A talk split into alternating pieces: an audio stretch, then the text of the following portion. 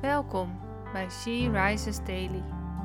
Deze maand staat het thema Meer dan overwinnaars centraal. En vandaag luisteren we naar een overdenking van Grete Berghout. We lezen uit de Bijbel Matthäus 26, vers 41. Blijf wakker en bid dat jullie niet in beproeving komen. De geest is wel gewillig, maar het lichaam is zwak. Toen Jezus ging bidden in de hof van Gethsemane, vlak voor zijn kruisdood, gaf hij deze opdracht mee aan zijn discipelen. De discipelen dachten het wel even te doen. Ze zouden door het vuur gaan voor hun meester. Toch vielen ze in slaap, zelfs tot drie keer toe.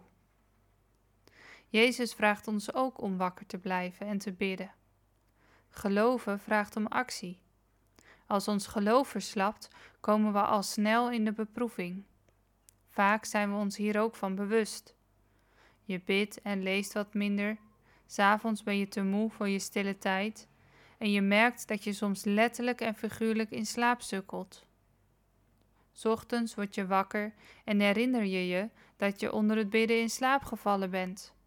En je denkt: Oh help, ik ben alweer in slaap gevallen ik kon de beproeving niet weerstaan.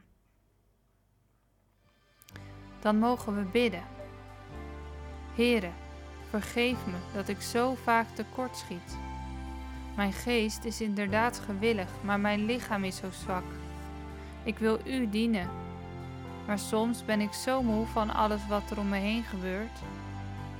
Wilt U alstublieft Uw geest in mij uitstorten, zodat Hij me de kracht kan geven om wakker te blijven. Maakt u mijn lichaam sterk en helpt u mij te strijden tegen de beproevingen.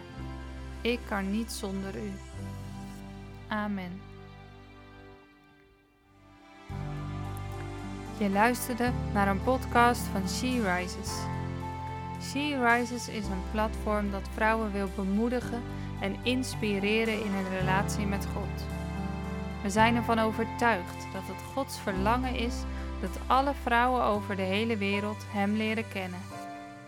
Kijk op www.she-rises.nl voor meer informatie.